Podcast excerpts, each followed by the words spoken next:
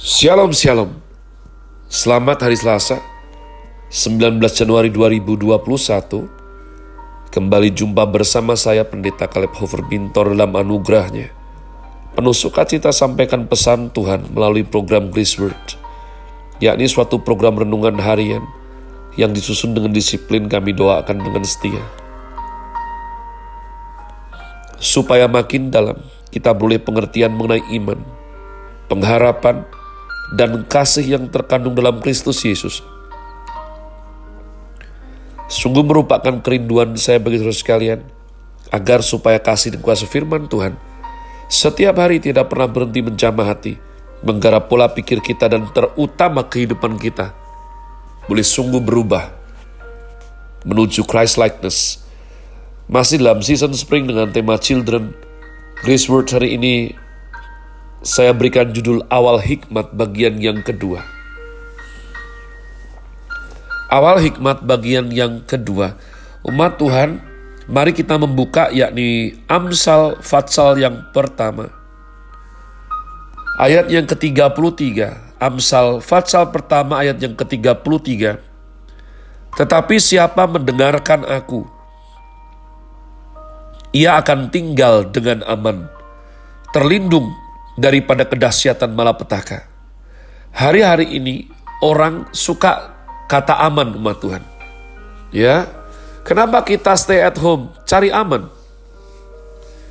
Kenapa kita survei mengenai vaksin? Kalau sudah divaksin, lalu bagaimana?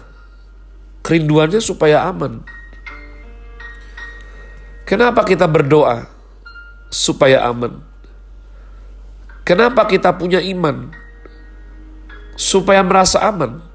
Harusnya tidak demikian. Tapi aman adalah yang dicari hari-hari ini umat Tuhan. Terlindung daripada kedahsyatan malapetaka. Tapi sering kali manusia tidak belajar.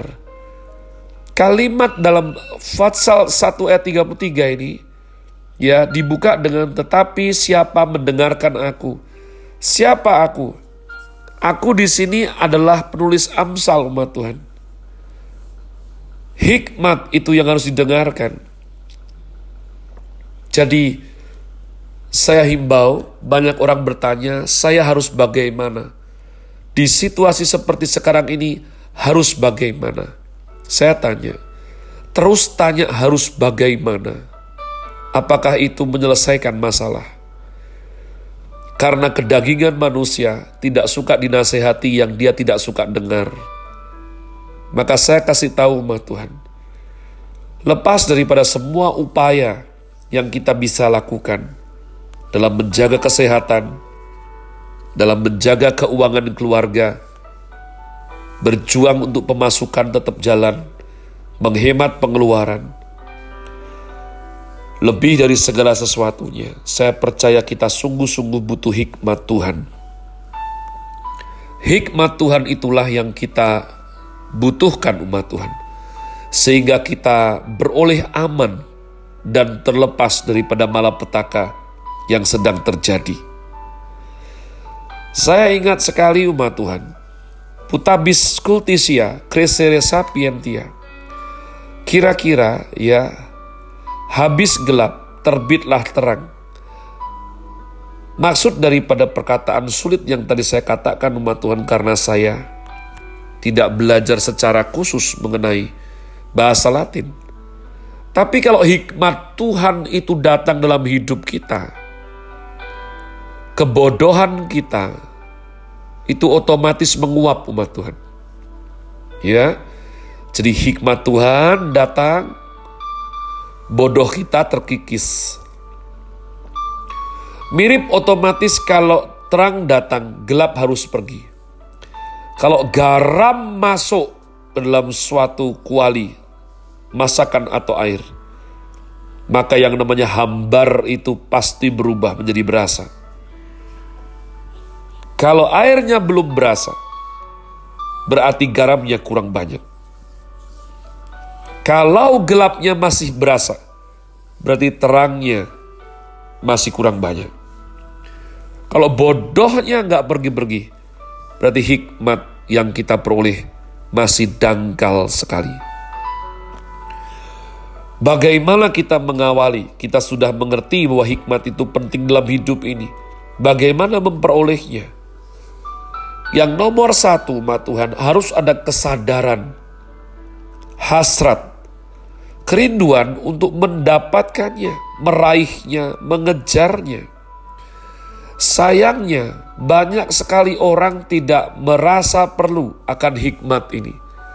Mereka terburu-buru ngejar uang, sukanya uang, sukanya gaya hidup yang brutal, yang mewah, sukanya medsos, sukanya punya teman yang hebat-hebat. Nomor satu, Yakobus 1 ayat 5 sampai dengan 8 berkata, Tetapi apabila di antara kamu ada yang kekurangan hikmat, hendaklah ia memintakannya kepada Allah yang memberikan kepada semua orang dengan murah hati dan dengan tidak membangkit-bangkit. Maka hal itu akan diberikan kepadanya. Hendaklah ia memintanya dalam iman, sama sekali jangan bimbang. Sebab orang yang bimbang sama dengan gelombang laut yang diombang-ambingkan kian kemari oleh angin Orang yang demikian janganlah mengira bahwa ia akan menerima sesuatu dari Tuhan. Perhatikan. Sebab orang yang mendua hati tidak akan tenang, tidak akan tenang dalam hidupnya. Bapak Yakobus menegaskan, apabila di antara kita ada yang merasa kurang bijaksana, ada yang rasa kekurangan hikmat, nah umat Tuhan, ya, Jangan pernah berani berpikir kalau orang Kristen pasti tidak berbuat salah, tidak mungkin. Faktanya orang Kristen tidak luput dari lakukan kesalahan. Tidak luput daripada kebodohan yang mungkin manusia perbuat. Tapi umat Tuhan, apakah kamu betul-betul merasa kekurangan hikmat? Kalau orang Kristen merasa duit ya kurang. Banyak sekali yang merasa seperti itu. Kurang langsing, ya, kurang putih kulitnya. No, no, maksud saya. Sungguhkah jiwamu sadar kalau engkau kekurangan hikmat? Ini penting sekali. Karena tanpa perasaan kita ini kekurangan hikmat, kita tidak mungkin mengejar bijaksana umat Tuhan. Tidak mungkin. Siapa orang bijaksana? Orang bijaksana tidak identik dengan orang yang pintar berpengetahuan tinggi belum tentu. Karena orang yang berpengetahuan tinggi belum tentu berbijaksana. Orang yang bijaksana belum tentu berpengetahuan tinggi. Dalam hidup seperti sekarang ini, bijaksana jauh lebih penting dari pengetahuan saya selalu katakan, knowledge is the content of our mind, but wisdom is the way of our life. Apa yang membuat kita berbahagia? Pintar belum tentu. Banyak orang pintar hidupnya berbahaya, tidak berbahagia. Bijaksana itu yang membuat kita berbahagia umat Tuhan. Jadi bijaksana jauh lebih penting dari pengetahuan. Karena bijaksana adalah arah dari pengetahuan. Saya tutup demikian. Kalau kita menyetir mobil yang sudah penuh dengan bahan bakar, bensinnya full tank, tapi engkau kehilangan arah. Lalu buat apa Ya, apa yang harus kita perbuat? Kalau kita sudah naik mobil bagus, semuanya lancar sehat, tidak ada yang rusak, dan full tank, bahan bakar penuh. Tapi kita kehilangan arah. Nomor satu, umat Tuhan, tidak bahas lagi mengenai mobil. Padahal mobilku merek ini terserah. Kita membutuhkan peta untuk mengarahkan kita. Tapi pada waktu kita melihat peta, hal pertama yang harus kita temukan adalah lokasi kita di peta tersebut. Kalau tidak, walaupun kita ngerti alamat dan tujuan, saudaraku banyak kali ya yang aneh adalah kita itu ngerti mau menuju ke mana.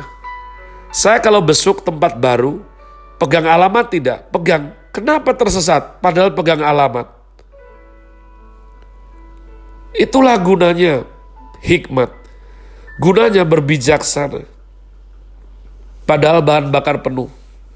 Bawa alamat yang harus dituju. Tapi tersesat juga.